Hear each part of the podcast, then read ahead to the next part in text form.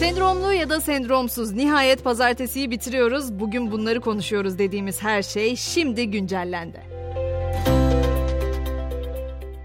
Bu sabah Diyanet İşleri Başkanı Ali Erbaş'ın günaydın yerine Esselamu Aleyna ve Ala İbadillahi Salihin demek gerekiyor şeklindeki bir açıklaması tartışılıyordu. Hatta Ümit Özdağ'ın bu haberi alıntılayıp günaydın Ali Bey şeklinde attığı tweet adeta gündem olmuştu. Dezenformasyonla Mücadele Merkezi Diyanet İşleri Başkanı Erbaş'ın günaydın demek cahiliye dönemi adetidir şeklinde bir açıklamasının olmadığını duyurdu. Bir diğer öne çıkan haberse özellikle deprem ve seçim döneminde yaptığı programla sık sık gündeme gelen Oğuzhan Uğur'un açıklamalarıydı. Uğur Babala TV'de yaptığı ve milyonlarca izlenen Mevzular Açık Mikrofon'un yeni döneminin yakın zamanda başlayacağı bilgisini verdi. Programın ilk konuklarından biri ise dünyada vatandaşlar kabul edilen ilk robot olan Sofya olacak. Gelelim Hollanda açıklarında yaklaşık bir hafta yandıktan sonra güvenli bir limana çekilen gemiye. Geminin çevre felaketi riski devam ediyor. Yaklaşık 4000 otomobilin bulunduğu Panama bandıralı gemi hala akaryakıt, yağ ve yangın söndürme suyuyla dolu. Üstelik o geminin güvenli şekilde boşaltılmasının ardından söküm için Türkiye'ye gönderileceği belirtiliyor. Sıradaki durağımız komşu olacak. Orada radikal bir karar var. Yunanistan en popüler arkeolojik alanı olan Akropolis'i günde 20 bin ziyaretçiyle sınırlamaya başlayacak. Yunan Kültür Bakanı aşırı turizmin anıta zarar vermesini önlemenin bir yolunu bulmalıyız diye konuştu.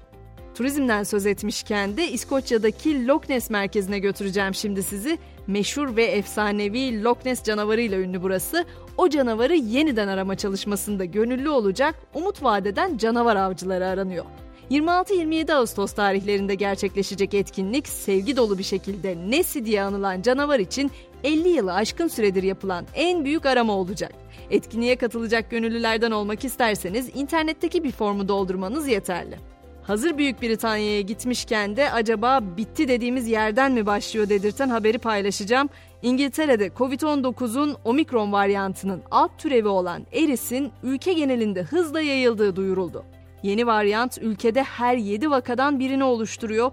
Bilim insanları Covid-19 vakalarındaki bu artışın Barbie ve Oppenheimer filmlerinin aynı anda vizyona girmesiyle milyonlarca kişinin sinemaya gitmesinden kaynaklanmış olabileceğini düşünüyor. Hastalığın yayılma sebebi gerçekten filmler mi bilmiyorum ama Barbie filmi şu anda The Super Mario Bros. Movie'den sonra 2023'te en yüksek gişe hasılatı elde eden film oldu. Üstelik Barbie filmini izleyen her 10 kişiden 4'ünün erkek olduğu belirlendi. Hal böyle olunca bu Barbie çılgınlığı cenazelere kadar ulaşmış durumda. El Salvador'da bir cenaze evi Barbie resimleriyle süslenmiş pembe tabutlar üretmeye başladı. Tabutlara rağbet de oldukça fazla. Bu arada Barbie filmi oyuncak bebeklerin de popülerliğini geri kazanmasına aracı oldu. Bundan güç alan Bratz da ilk ünlü işbirliğini duyurdu. Z kuşağının popüler kültür kraliçelerinden Kylie Jenner'la işbirliğine giden marka 1 Ağustos itibarıyla sınırlı bir süre için Mini Bratz ve Kylie koleksiyonunu piyasaya sürdü. Yılın dövüşü konusunda da yeni gelişmeler var. Mark Zuckerberg, Elon Musk'ın Dövüşümüz X'te yayınlanacak ve gelirleri gazilere bağışlanacak önerisine yanıt verdi. Zuckerberg karşı teklifinde bunu daha güvenilir ve hali hazırda vakıflara bağış yapılabilen bir platformdan yayınlamak daha iyi olmaz mı dedi. Uzay dünyasına geçtiğimizde ise kara delikleri konuşuyoruz. Kara delikten sinyaller geldiğini açıklayan bilim insanları 5 Hz'lik bir sinyali her zaman bulamazsınız. Yalnızca özel fiziksel koşullar altında ortaya çıkar diyor.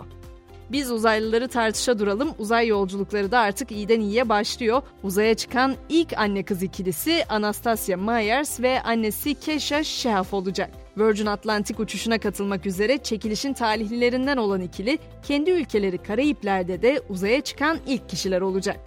Hemen spordan notumu da ekliyorum. Galatasaray'ın Şampiyonlar Ligi'ndeki muhtemel rakibi belli oldu. Sarı Kırmızılılar 3. öneleme turunda Olimpia Ljubljana'yı elemesi halinde playoff'ta Klaksivik Molde eşleşmesinin galibiyle karşılaşacak. Şampiyonlar Ligi'nde playoff maçları 22-23 Ağustos ve 29-30 Ağustos tarihlerinde oynanacak. Biz de böylece güncellenin sonuna gelmiş olacağız. Bugün endişelerimizi bir kenara bırakmak konusunda biraz Seneca'ya kulak verelim istiyorum ve mottomuzu onun cümlesiyle bırakıyorum. Bir damla suyla bile ölebileceğini aklına getirdiğinde ne aptalca denizde endişeye kapılmak. Ben Gizem, yarın sabah tekrar görüşmek dileğiyle şimdilik hoşçakalın.